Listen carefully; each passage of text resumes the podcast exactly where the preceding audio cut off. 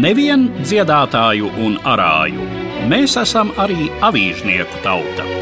Vai mūsu pirmā atmoda iedomājama bez Pēterburgas avīzēm, mūsu pirmās neatkarības desmitgades bez jaunākajām ziņām un atpūtas, mūsu neatkarības atgūšana bez laikraksta atmoda?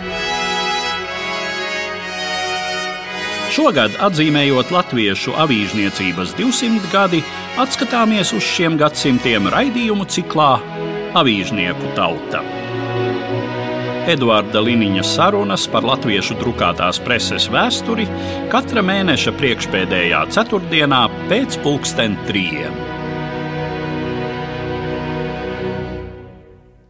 Labdien, cienījamie klausītāji! Mūsu vēstījumā par latviešu avīžniecības latviešu preses vēsturi, mēs esam nonākuši līdz 19. gadsimta otrajai pusē un aplūkosim tajā laikā iznākt sākušos nozīmīgākos latviešu preses izdevumus, proti, laikrakstus Baltijas vēstnesis un vēlāk dienas lapa, kā arī žurnālu Austrums. Mani sarunbiedri šodienas studijā Profesors Rīgas Stradiņa Universitātes komunikācijas fakultātē Ainārs Dimants. Labdien! Labdien! Un Latvijas Mākslas akadēmijas profesors Denis Hanovs. Labdien! Sveicināti! 19. gadsimta 60. gadu nogale, kad sāk iznākt laikraksts Baltijas vēstnesis, sākumā kā nedēļas laikraksts, un tad pēc nepilniem desmit gadiem sāk iznākt dienas laikraksts Rīgas lapa, kas ir pirmais dienas laikraksts, un pēc tam Baltijas vēstnesis kļūst arī par dienas laikrakstu. Baltijas vēstneša iznākšanas un arī pastāvēšanas laiks ir ļoti cieši saistīts ar tā dibinātāju un ilgadējo redaktoru Bernhardu Dīriķi, kurš ir atmodas darbinieks. Ievērojams arī ar to, ka ir eh, Rīgas Latviešu biedrības dibinātājs un pirmais priekšsēdis. Ja mēs paskatāmies uz tā laika latviešu preses ainavu, kas ir tas, ar ko ienāk Baltijas vēstnesis? Vai Baltijas vēstnesis ir Pēterburgas avīžu vairākus gadus spoži iznākušo, bet ātri savu eksistenci beigušo turpinājumu? Tieši tā. Tieši tā. Turpat ir tāda priekšvēsture, ka patiesībā Dārgājs Dārgājs bija liels, kā mēs tagad sakām, Krišāņa Valdemāra fans. Un jau toreiz viņam bija ideja par avīzes izdošanu. Jau 1860. gadā ir bijusi saruna starp Dīriķu un Valdemāru par avīzes izdošanu.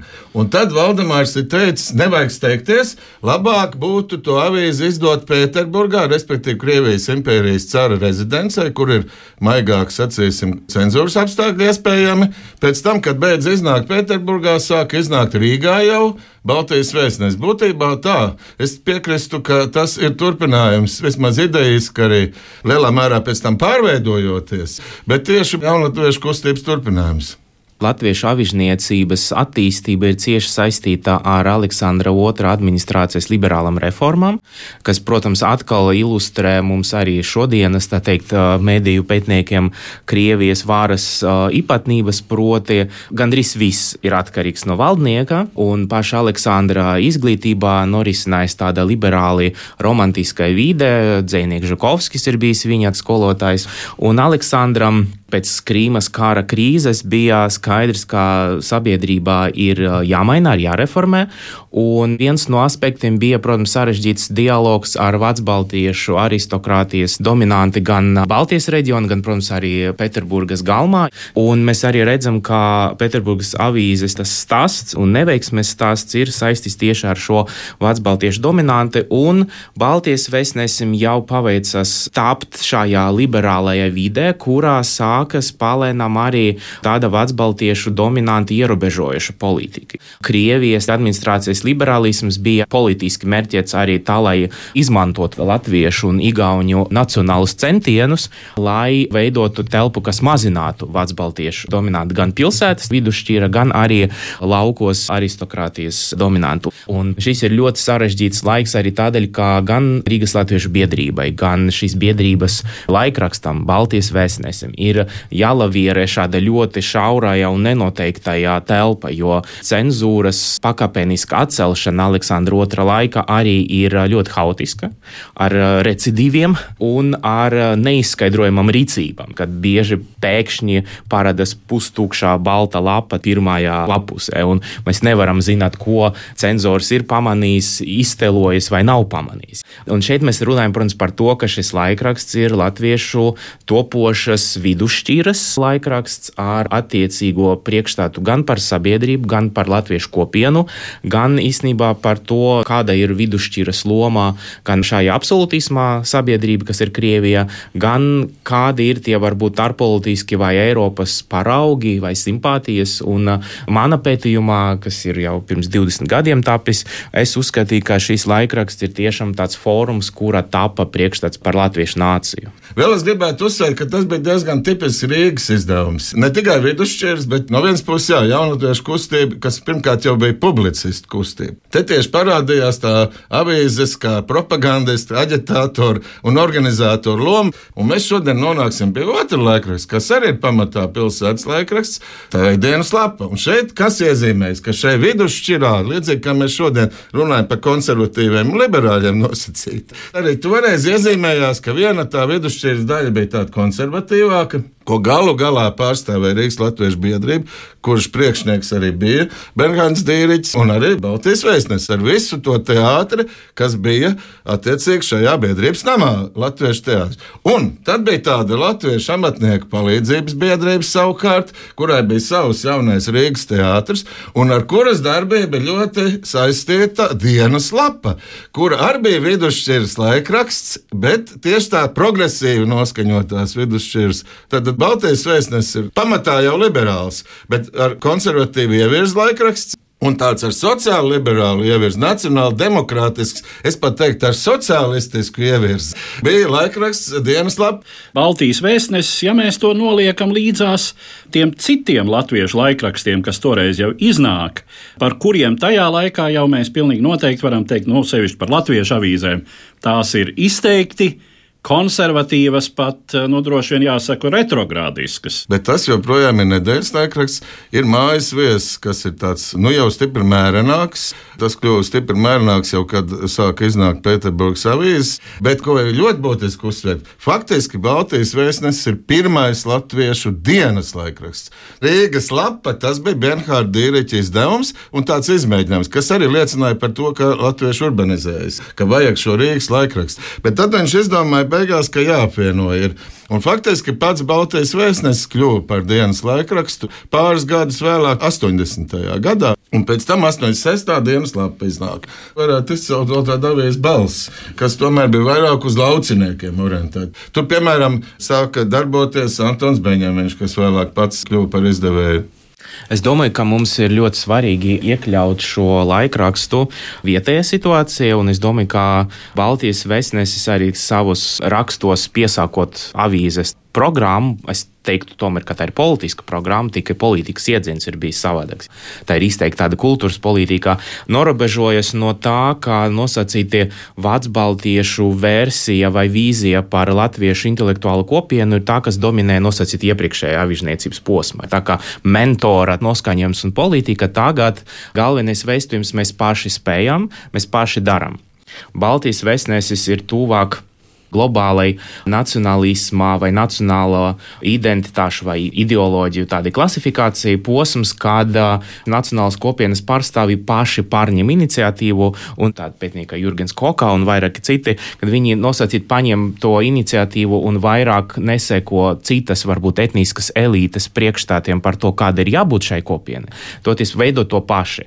Nu, un, protams, šeit ir jautājums par to, kā Austrum un Centrālā Eiropā, ja mēs sekojam Benediktam Andersonam, Vatikānam, tad uh, avižniecība ir tā laika politiskais forums, tātad telpa, kura varēja formulēt arī nācijas idejas, un nācija tāpā arī kā lasītāju kopiena. Līdz ar to, kā Andersons saka, tad simultāna vai, teiksim, vienlaicīga avīzes lasīšana ir tā, darbība vai tas simboliskais akts, kas veido kopienu. Lasot, mēs patērējam to pašu vestījumu, tas pašas ziņas, un abonējot, mēs arī paužam savu nosacītību politisko nostāju. Un Baltijas vēstnesis tik tiešām ir latviešu vidusšķīras urbānas vides balss telpa, un, protams, lielākais izaicinājums jau ir 19. gadsimta 90. gadi, kad Rīga ir izteikti industriāla telpa, ļoti strauja industrializācija, ja nemaldos, pat otrā industriālākā pilsēta pēc Pēterburgas, un mēs redzam arī politiskas cīņas arī rusifikācijas apstākļos, kas, protams, ir bijis arī izaicinājums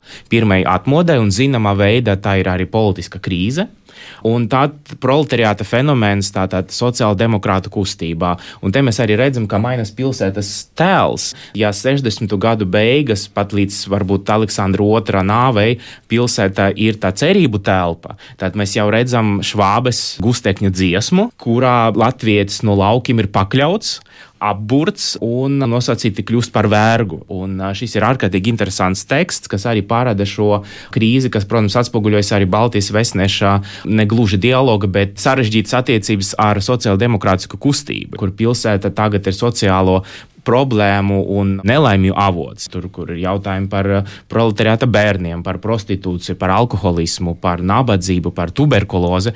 Tas viss it kā nonāk konfliktā ar uh, vidusšķiras priekšstātiem par to, kā ar savu darbu, ar savu izglītību mēs varam nosacīt kļūt par Eiropas vidusšķiru. Jo Baltijas vēstnesis ir savā saturā ļoti globāls laikraksts. Tas dod laiku, vietu un telpu starptautiskām ziņām, Eiropas konfliktiem, Francijas, Prūsijas kārām un tā tālāk. Un tā tālāk. Un vienlaicīgi arī reflektē par šo duālu tādu vienību, tātad nācija un vidusšķira.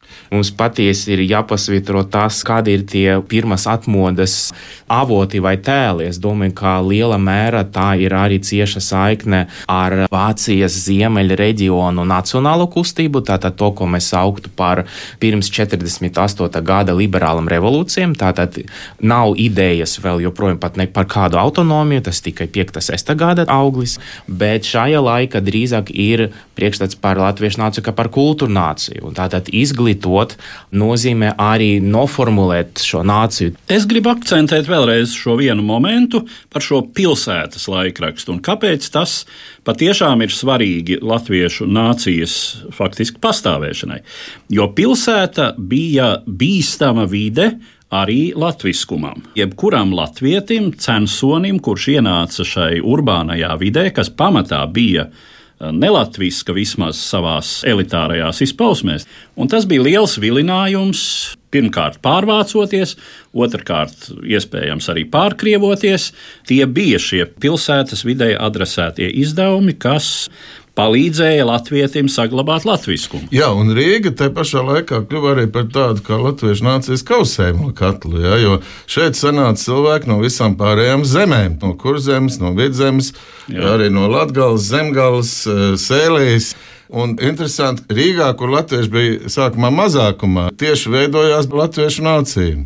Es domāju, ka arī šī laikraksta refleksijas par Rīgu mēs redzam, ka 70. gadu sākumā šīs riska narratīvs joprojām pastāv. Tātad mēs varam zaudēt sevi, un šie scenāriji ir bijuši, bet tad atkal šis laikraksts definē tos, kas ir teikt, zaudējuši savu tautību un tādu negatīvu tēlu. Tātad tas ir scenārijs, ka nu, lūk, viņi ir zaudējuši savas saknes, bet mēs to mēģināsim saglabāt vai nu atgriezt viņus. Šis ir viens no visu laiku atkārtotiem stāstiem stāstījumiem. Un otrais moments ir tas, ka pilsētas pārvaldē ir telpa, kur šis laikraksts arī veido izteikti negatīvu vecbaltiešu tēlu. Rīgas jubilejas izstādes diskusijā piedalīties, nepiedalīties, tas aizņemā īstenībā laiku vismaz gadu pirms jubilejas. Tā ideja bija tāda, ka noteikti jāpiedalās, bet mūsu pilsēta jau ir savādāka. Tā ir industriāla pilsēta, tā ir pilsēta, kur cilvēki ir vajadzīgi kā šis industriālais resurs, jo Baltijas vēstnes bija arī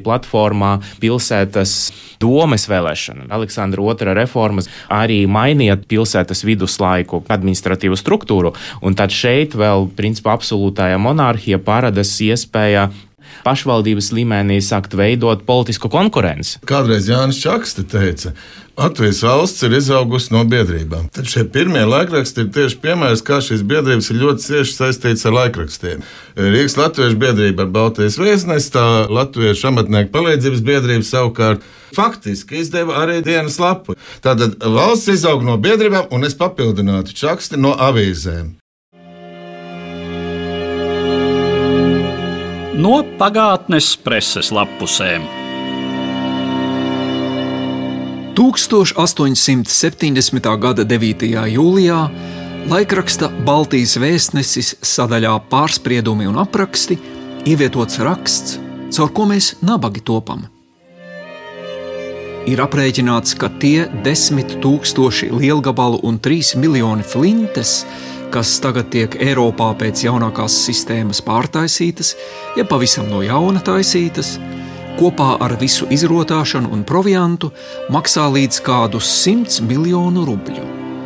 100 miljonu rubļu priekš nevainīgu cilvēku nonāvēšanas rīkiem. Ar to naudu varētu droši veselu jostu ap zemi no spožiem sudraba rubļiem taisīt, un ar viņu varētu vēl ko labāku darīt varētu desmit tūkstošus skolas uzbūvēt, varētu 20 miljonu bērnus desmit gadus par velti skolot, varētu 100 tūkstošu slimnieku un nespēcīgu desmit gadus ilgi apkopt. Bet tā vietā tiek nauda priekš kariem izlietāta, un tūkstošu vecākiem viņu dēli atņemti, tūkstošu sievas par atraitnēm, tūkstošu bērni par bāreņiem un tūkstošu spēcīgi vīri par kropļiem pataisīti. Pēc beigta kara gan ir viena zeme drusku lielāka pataisīta, drīkst kāds valdnieks, ministrs jeb ģenerālis savu galvu augstāk nesāt kā citi. Bet visur ir arī nabadzība un darba trūkums stipri audzis. Pat uzvarēdamai tautai vajag sava valdnieka ārīgo spožumu ar savām asinīm un tām visu dārgākām mantām nopirkt. Pie šiem miljoniem mēs, zināms, visi maksājam savu daļu. Kad mēs par provi ievedam no Anglijas dažādas mašīnas, no Zviedrijas rupjo dzelzi, no Francijas smalkus vīnus un tā joprojām, tad vienādi ir tur tas tēriņš priekš karaspēka uzturēšanas līdzi ierēķināts. Nodošanas tiek gan apakš dažādiem vārdiem uzliktas. Tā par provi māju saimniekiem uz nekustamu mantu. Jādomā būtu, ka māju saimnieki to skādi cieši, bet nē, to aizmaksā īrnieki. Arī īrniekam nav nemaz nekustamas mantas. Tātad mēs visi, bagāti un nabagi, maksājam savu daļu pie šiem miljoniem līdzi, kas tiek katru gadu kara dievam upurēti.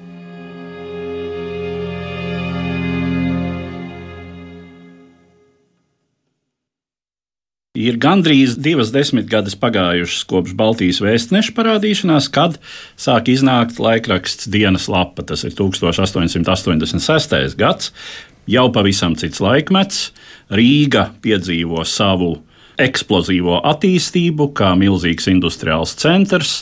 Šeit veidojas strādniecība, kas ir pamatā latviska, jo Latvijas lauki tobrīd ir tie, kuri piegādā Rīgai primāru darba spēku. Tas teiksim. ir ļoti interesanti. Vēlāk pēc tam būs avies jaunākās ziņas 11. gadā, kas arī ir sākumā domāt galvenokārt strādniekiem. Antons Beņamiņš to avīzi izveido, kāpēc avīzi lēt avīzi strādniekiem. Bet pirms tam interesanti, ka dienas lapa nu galīgi nav strādniekiem. Rainis no Bēbeļa koferī atved mākslas darbus, pirmā marksistisko literatūru un sāk publicēt dienas lapā. Bet es gribu uzsvērt, ko pats Rainis arī ir uzsvērs, ka pirms viņa vēl bija Fricis Bergmans kas faktiski bija pirmais redaktors, kas to avīzi uzsāka, iedibina to progresīvo virzienu, ne tik radikālu kā Rainis. Rainis ir radikālāks pat par Stočku. Tajā brīdī. Tajā brīdī. Bet vispirms ir Brīsīs Bergmans. Un kā tad raksturo vēlāk Rainis domās un darbos? Viņam ir tāds teksts, kas tad ir raksturīgs dienas lapai, Friča Bergmana laikā jau.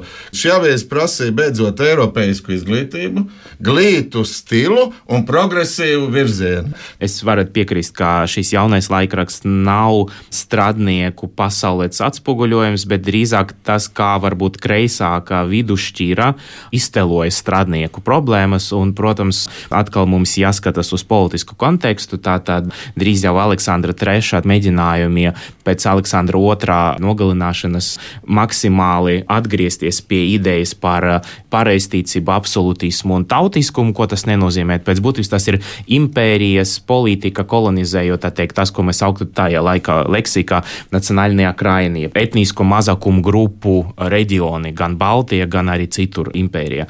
Un viens no pirmiem sitieniem ir izglītības reformas. Krievu valodā dominē līdz pat Nikolai II valdīšanas periodam, un šis ir arī posms, kur patiešām vidusšķīras identitāte ir krīze, ir sancenši, nav vairs monopola priekšstāta par to, kādai jābūt nācijai, un arī Baltijas vēstnesis konstatē, kā nācija, kā vienota telpa, tas ir bijis, tā teikt, 70. gadu tēls, sabrūk un tā vieta parada sociālu grupu spriedze, un nav vairāk šī idealizēta tēla, bet šīs debats ir ļoti interesants, jo mēs redzam arī kā to politiskais plurālisms un kāda ir argumentācija. Diezgan izslēdzoša, demonizējoša, un, diemžēl, mēs redzam, ka šis ir tas posms, kad uh, Baltijas vēstnesis nu īsti netiek galā vairāk ar šo nācijas tēla krīzi. Jā, tur ir liela polemika starp abiem laikrakstiem.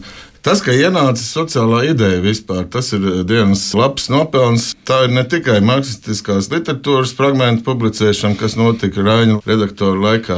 Nevajag arī aizmirst, ka jaunā strāva un vēl jau vairāk vispār sociāldemokrāti nekādā gadījumā nav uzreiz pielīdzināmi kaut kādiem bolševikiem vai komunistiem. Sociālā strāva, tā ir jaunā strāva. Tas ir stāsts par to, kā izprast tās eh, strādnieku intereses un vajadzības un kā vispār nodrošināt to, ko mēs saucam saucam par sociālo mieru, evolucionāru, nevis revolucionāru attīstību, saglabājot tos pašus pamatprincipus, ko mēs saucam par kapitalistiskiem, par tirgus saimniecību. Par abiem šiem laikrakstiem, gan par Baltijas vēstnesi, gan par dienas lapu. Arī lielā mērā var teikt, ka normālu šo laikrakstu mūžu pārtrauc 1905. gads, revolūcija, ar aizliegumiem, cenzūras žņaugiem. Baltijas vēstnesis beidz iznākt 1906. Eh, gadā, un savukārt dienas lapa tad mainot nosaukumu pēc nosaukuma. Jāpiemina, protams, arī pārdzīvojusi jau 90. gados smagas represijas ar arestiem un tiesas spriedumiem, un eh, arī redaktoru pliekšānu izsūtīšanu uz iekškrieviju. Turpina vēl de facto iznākt dienas lapa, bet tur ir kādi pieci vai seši nosaukumi, kurus šis laikraksts nomaina. Mums jāpieskaras vēl vienam interesantam izdevumam, kas ir žurnāls Austrums. Pirmais tik ilgi un sekmīgi iznākošais latviešu ikmēneša žurnāls. No 1885. no atkal jau līdz 1906. gadam, kur gan vairāk jāsaka, ir šai 906. gadā ne Droši vien tik daudz politisku, cik komerciālu iemeslu, jo žurnālam vienkārši aptrūkstas auditorija. Un vispār visa šī austrumu iznākšanas vēsture ir saistīta ar pastāvīgu cīnīšanos ar finansiālām grūtībām. Acīm redzot, tomēr pieprasījums šādam kultūrāli izglītojoši literāram izdevumam ir bijis salīdzinoši nepietiekams. Tomēr tas ir nozīmīgs izdevums, pirmkārt nozīmīgs literāri, tur publicējas pirmie latviešu spēcīgākie literāti, kā brāļi Kaudzītes, kā apsīšu jēkabs, nu un tad tā latviešu literātu paudze, kas latviešu literatūru ļauj nolikt līdzās citu Eiropas kultūra tautu literatūrai, kas ir Rudolfs Blaumanis, Anna Brigadere, Jānis Poruks. Nu, un tādi publicisti kā jau pieminētais Ārona Matīs, Andrijs Niedra. Lūk, viņš ir viens no redaktoriem. Ko Jā. es gribētu uzsvērt, ka pirms tam bija vēl žurnāls Pagāms, bet tas bija pilnīgi cits. To mēs varētu eh, saukt par dzīves stilu žurnālu, ģimenes ilustrēto žurnālu. To starp citu Lautenbaks Jūsmiņš rediģēja. Jā, avīzēm bija vairāk tādas politiskas programmas, un, starp citu, pirms avīzes atļaušanas ar tā programma bija jāiesniedz. Tad šeit ir vairāk tāda literārā programma, jeb literārā politika. Un tas ir pirmkārt jau realisms, tie paši brāļi kaudzēts. Un, zinām, mērā tas ir iepratī. Arī, zinām, mērā tas saskan ar to sociālo ievirzi, kas virmo gaisā, var sakot, rakstīt reāli. Te ir tas pats apstākļus Jākams un citas literatūras vēsturē ļoti nozīmīgie latviešu literatūras darbi. Austrums, būdams realistisks žurnāls, neaizmirst arī romantismu un romantismu attīstību un nenoliedz to pirmo reizi publicēt. Mazliet līdzīgi kā pirmo e, īsto latviešu nacionālo avīzi Pēterburgas avīzi, tad pirmais īstais literārais žurnāls arī iznāk ārpus Latvijas, iznāk Maskavā. Un es gribu uzsvērt tieši to žurnālu sākumu, ko es diezgan labi zinu, tāpēc, ka es esmu akadēmiskā vienība Austrums austrums. Akademiskās vienības austrums dibināšanā piedalījās paši nebūdami dibinātāji un biedri Jānis Čaks dibināja. Tur bija Krišāns Valdmērs, kas tajā laikā bija Maskavā, Krišāns Barons, kas tajā laikā bija Maskavā, un Jēkabs Velme. Velme kļūst par redaktoru austrumam. Tajā laikā viņš ir Maskavas universitātē vācu valodas lektors. Es gribētu pievienot kolēģi ļoti detalizētam stāstam vēl nelielu komentāru par žurnāla noformējumu.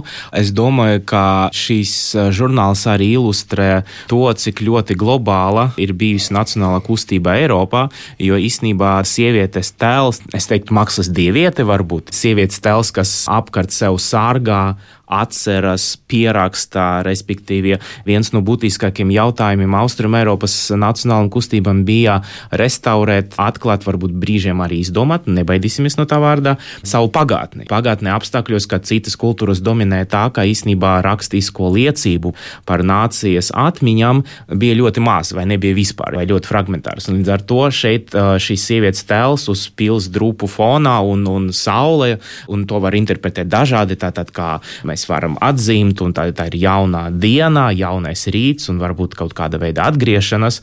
Un vienlaicīgi tas ir arī nācijas atmiņas. Tā kā mēs redzam šajā periodā ārkārtīgi radošu tādu priekšstatu par to, kā mēs formulējam nācijas tēlu. Ne tikai nācija ir izteikti feminīna figūra, no otras puses mēs arī redzam, ka šeit tik tiešām runā ir par to, ka apkārt mums ir arī Francijas, Lielbritānijas nācijas tēls, kas atkal ir sievietes tēls. Līdz ar to šīs globālas saiknes un arī vietējā interpretācija ir ārkārtīgi interesanta. Jā, pats nosaukums jau ir simbolisks. Austrums, eksorienta luks, jā, gaisma nāk no austrumiem. Mums ir noteikti jāmin Ārona Matīs šeit, kas sāka kā skolotājs skolotājs, turpināja kā redaktors, beidz kā žurnālistikas vēsturnieks. Latvijas preses simts gadi, tas bija pirms simts gadiem. Tad tur nāk jau minētais Andrievs Niedra un publicēja savus darbus, tur arī polemika ar Raini un tā tālāk. Bet ko es gribētu uzsvērt, ko arī literatūras vēsturnieki uzsver, Teodors Zēferts.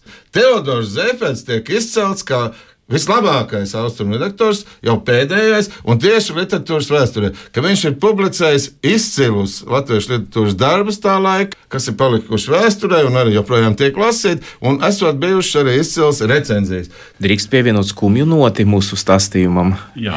Dīrītis ir apglabāts lielajos kapos, un ļoti skumji, kā šajā lielu kapu telpā šie nācijas dibinātāji ir apglabāti, bet nevienam nav vajadzīgi vietas, nav koptas informācijas informācijas nav. Tieši tā, sevišķi jau dīrīti, ka apsis būtu pelnījis lielāku uzmanību. Tam ir saglabājies. Jā, jā, tas pats arī Ārons Matīs, un, un vēl tur tiešām īsti nav apzināts. Ir sevišķi jau vajadzētu būt tā, ka tu ej iekšā, tev parāda, kur tu to atradīsi. Vai mēs varam ļoti īsi definēt šīs 19. gadsimta pēdējās četras desmitgades, kas no tām ir palicis latviešu preses ainavā? Varbūt mazliet paradoxāli tas ir mūsu atmiņā, ka mēs parasti atceramies pašus sākumus un beigas, un to, kas pa vidu sliktāk atceramies. Šis ir tieši tas gadījums. Viņi sagatavoja to Latvijas valsts eh, izveidu. Bez šīs paudzes, bez šīs starposmas starp jaunatviešiem un tas, ko sauc Jānis Stradiņš par otro atmodu, jau nebūtu nekāda otrā atmoda un nebūtu bijis Latvijas valsts, kas izauga no biedrībām un avīzēm. Un šīs jau bija tās avīzes, no kurām izauga, un arī žurnāls. Un tas ir tāds, var teikt, zinām mērā, ja mēs tā atpakaļ skatāmies, sagatavošanās laikmets. Bet tad īsti arī radās tie pamati latviešu nācijai. No sākuma jau bija tikai aizmetņi. Tagad notika tā celtniecība jau starplaikā. Tas, ko jaunatvieši iezīmēja kā plānu, tagad tika arī uzbūvēts. Es domāju, ka šajā posmā to priekšstats par kultūrnāciju, to priekšstats par uh, latvietību kultūra telpa, par kultūra praksēm, respektīvi tas, ko mēs varam saukt par uh, pilsonisku izglītību. Ar šādiem secinājumiem es arī noslēdzu mūsu šodienas sarunu un saku paldies maniem sarunbiedriem, profesoram Rīgas Stradiņa Universitātes komunikācijas fakultātē Aināram Dimantam un Latvijas Mākslas akadēmijas profesoram Denisam Hanovam.